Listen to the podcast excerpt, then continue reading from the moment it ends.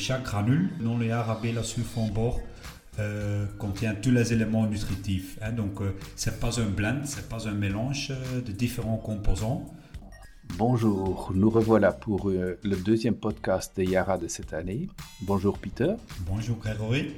J'ai l'impression que le printemps approche à grande vitesse. Oui, oui, maintenant ils sont vraiment commencés. J'ai vu les premières applications au champ des engrais cette semaine, donc le printemps est là. Ok, dans ce podcast, nous allons parler de Yarabella sulfanbore. Il s'agit du dernier né de la famille des engrais de Yara, à base de nitrate d'ammonium.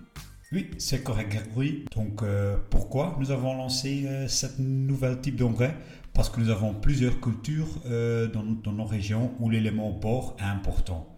Hein, on pense au maïs, betterave, colza, culture de, de choux tournesol. Hein. Tournesol, c'est une culture mhm. très petit, mais peut-être dans l'avenir, ça va, ça va devenir euh, plus, important.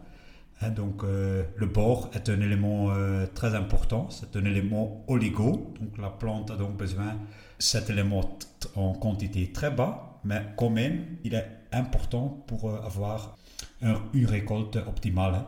Alors, Peter, quels sont les mhm. composants de Yara Bella Sulfanbore donc, euh, il y a 24% euh, d'azote euh, dans le produit, donc 11,5% azote nitrique et 12,5% azote ammoniacal.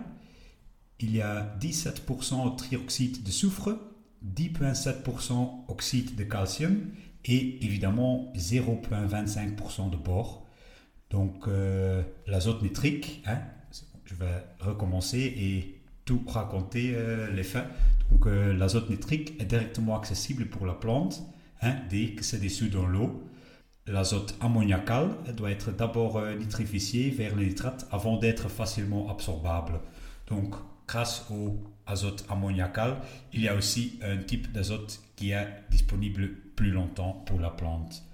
Euh, la soufre est dans cet engrais aussi important pour augmenter l'efficacité de l'azote et pour augmenter le contenant de protéines. Euh, si on va voir euh, la culture de colza, il est aussi important pour augmenter la concentration de l'huile euh, dans, le, colza. Mhm. le calcium va diminuer l'acidification du sol.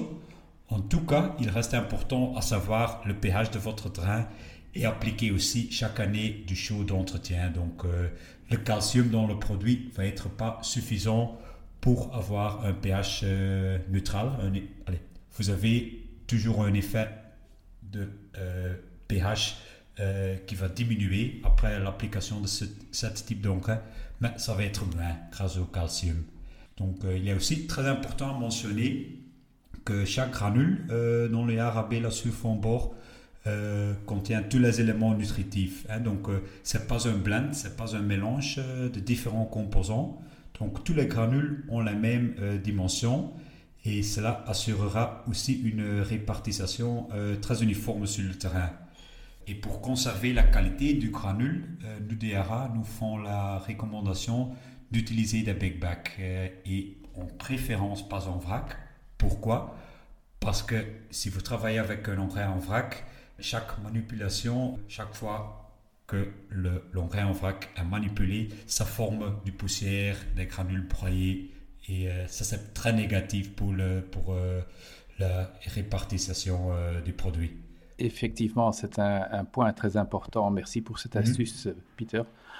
Le bord en particulier est nouveau dans ce type d'engrais.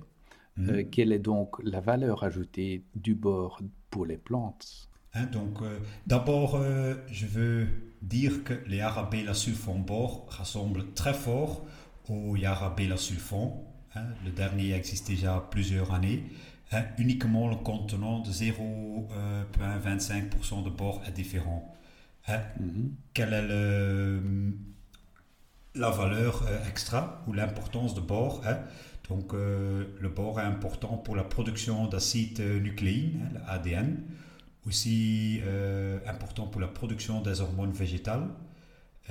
une chose très importante, à mon avis peut-être le plus important, est que le bord est responsable pour le transport de sucre dans la plante et va aussi améliorer le transport du calcium dans la plante. Euh, le, calcium est connu comme un élément très immobile dans la plante, mhm. euh, mais important pour euh, avoir des cellules euh, très fortes, pour, hein, pour avoir une culture plus dure, moins sensible aux, aux, insectes et, plusieurs autres choses. Mais s'il y a assez de bord dans, dans la plante, aussi le, le transport de calcium va améliorer. Et dernier point, augmenter la fertilité.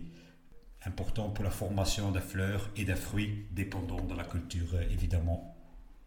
Ok. Et comment peut-on constater une concentration insuffisante du bord oh, Dépendant du, du culture, euh, ça va donner des autres symptômes. Euh, hein, parce que le bord est, pas mobile dans la plante, on va voir un manque de bord d'abord dans la feuille le plus jeune. Hein, donc euh, le bord reste dans la feuille plus âgée. Euh, des exemples pratiques de manque de bord, hein, très connus dans la, betterave. Euh, pourriture, pourriture du cœur, ça, c'est très connu. Si on va voir la culture du chou-fleur, un mauvais développement des fleurettes du chou-fleur, ça c'est aussi à cause d'un manque de bord. Aussi, dans des périssements du point de croissance dans la feuille, et au maïs euh, des épis euh, de maïs mal euh, remplis. Ça, c'est aussi un effet, un manque de bord. Mhm. Quelles conditions peuvent rendre en fait l'absorption du bord plus difficile? Oh, Il y en a plusieurs. Hein. Par exemple, des températures du sol bas, ça va être un effet pour absorber, mhm. absorber moins vite le bord. Aussi, euh, le pH, c'est aussi, très important. Si le pH est trop haut, des oxydes euh, d'aluminium et de fer sont formés et le bord n'est est plus disponible pour la plante. À l'autre côté, si le pH est trop bas, euh, 5,5 ou, ou plus bas, euh, le bord est l'effisé du sol. Aussi, la sécheresse va évidemment limiter l'absorption de bord. Ok. Combien de bord une plante a-t-elle réellement besoin? Oh, Ça, c'est une question très intéressante et très importante. Hein. Très peu, mais quand même important. Hein. Donc, euh, s'il y a un manque, euh, ça a un effet très négatif euh, sur la culture. Hein. Si on va voir aux cultures sensibles à un manque de bord, par exemple la betterave, ils ont besoin par saison un demi-kilo de bord par hectare le mhm. colza et d'autres cultures de choux, euh, un demi-kilo, même un peu plus, peut-être même 600 euh, grammes euh, par hectare par an. Tournesol, entre 200 et 400 grammes par hectare. Et le maïs, entre 150 et 300 grammes par hectare. Pour le maïs, ça c'est peut-être aussi important à mentionner. Donc pour le maïs, nous, Yara, agronomiquement, nous avons une préférence d'utiliser les Aramila Maïs Pro. Hein. Mais on voit que surtout en Flandre et aux Pays-Bas, nous avons des terrains où l'agriculteur peut plus ajouter euh, du phosphore extra à cause du, de la limitation euh, du loi. Donc, euh, pour ces terrains, avec des limitations de phosphore, le Yarabila sulfon bord peut être une solution. Donc, ça c'était un peu près tout, Grégory, l'histoire du Yarabila sulfon bord. Ok, merci Peter pour toutes ces informations techniques très intéressantes. Peter, j'espère vous revoir très bientôt pour un prochain podcast de Yara. Ah oui, on va le faire. Hein. Je rappelle, bien sûr, avec plaisir aussi. Euh, je rappelle qu'on peut retrouver tous les podcasts de Yara en ligne sur Spotify et aussi via la page web de Yara. Si vous, auditeurs, avez encore des questions concernant les produits Yara n'hésitez certainement pas à contacter Peter de Yara. Est-ce que, est que les auditeurs peuvent, euh, peuvent vous contacter en direct?